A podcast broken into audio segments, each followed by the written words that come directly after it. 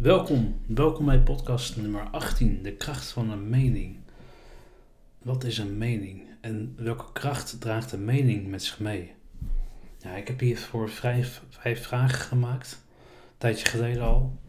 En nou ja, we leven nu in een tijd waarin het toch al uh, bijna verplicht is om uh, over een tal van zaken een mening over te hebben en die ook te uiten.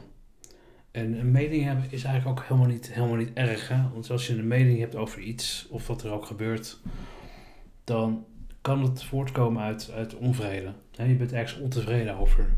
En je wilt daarin bekrachtiging krijgen van andere mensen. Maar waarom, waarom doen we dat eigenlijk? Want we hoeven het nieuws en social media maar aan te zetten. En we zien de ene expert naar de andere expert zijn of haar mening geven. En soms zijn die meningen eigenlijk tegenstrijdig, waardoor het eigenlijk verwarrend, verwarrend werkt. In plaats van dat het meer duidelijkheid geeft. Want ieder expert die je ook ziet, uh, op het journaal of social media, die spreekt vanuit zijn referentiekader, zijn vakgebied, waar die persoon bekend mee is. Ik doe het ook een beetje gekscherend, hè. Het is misschien een beetje een schot voor open boeg, maar uh, hè, het vergelijken met uh, appels en peren, hè, iets in die geest. Nou om eigenlijk te kijken of een mening, wat de kracht van een mening nou eigenlijk is, heb ik eigenlijk vijf vragen gemaakt. En die vijf vragen die heb ik eigenlijk opgesteld al in december 2018.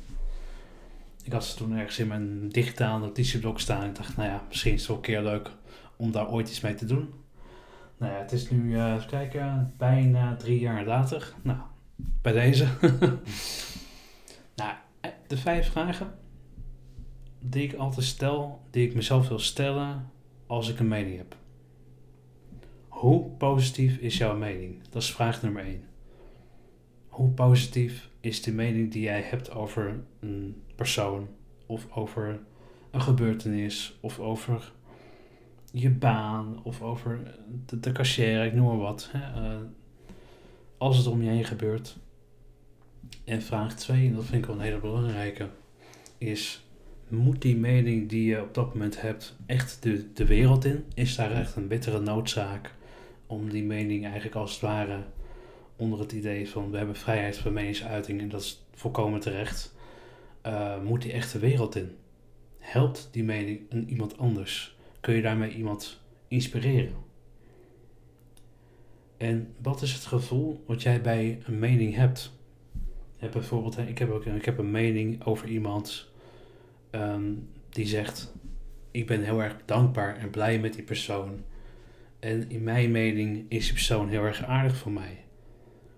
Dan, dan het gevoel wat ik daarbij krijg is gewoon heel erg liefdevol liefdevol van hey, die mening doet iets met mij.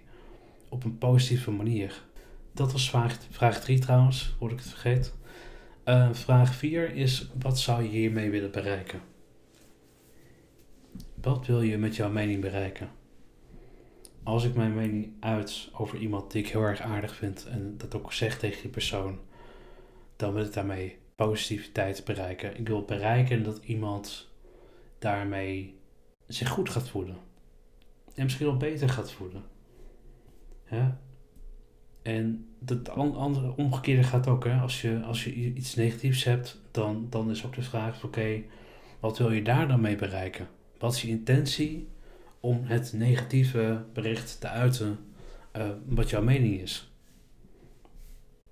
En vraag nummer 5 is eigenlijk, dat is eigenlijk meer een beetje ook wel beantwoord in vraag 4, maar vraag 5 wat draag jij bij voor anderen?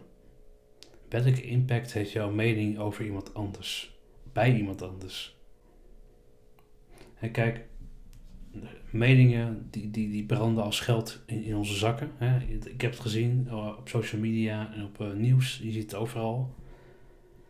Maar je, je, kan van alles en iedereen wat vinden. Maar de, de basis van, van dit alles is dat verandering start altijd bij jouzelf.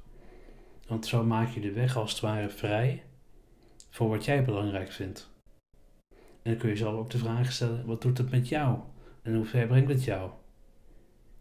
Ja, het is oké om in het hier en nu te zijn. Het is oké om er te mogen zijn zonder, zonder een mening. Kijk, ik heb het hier niet over een discussie over vrijheid van meningsuiting, want dat is gewoon buiten kijf. Daar ga ik, ga ik niet aan tokken. Dat, dat is gewoon een, een wetgeving, dat, dat is gewoon het verhaal. Maar ik heb het hier over een positieve impact die je maakt met, jou, met jouw mening. En ik pleit gewoon heel erg voor dat het gewoon positief is. Positieve inspiratie. kijk, als iemand een keer niet mijn mening vraagt, dan denk ik, ah, fijn. Fijn om een keer niet mijn mening te hoeven geven. Want met die energie kan ik eigenlijk iets anders gaan doen. Kan ook positief zijn of negatief zijn. Maar het is niet altijd nodig. En nou ja, misschien zie jij het ook op bepaalde manieren. De mening die, die je hebt hè, van oké, hoe, kijk jij er tegenaan? Hoe kijk jij tegen dit soort dingen aan? En wat, wat voor impact heeft een mening van een ander op jou? Stoor je daaraan of denk je van ja, oké, het, zal mij uh, ja, misschien een beetje onaardig, een, rotzorg zijn. Iets om over na te denken. Ik, uh, ik zou zeggen, fijne dag.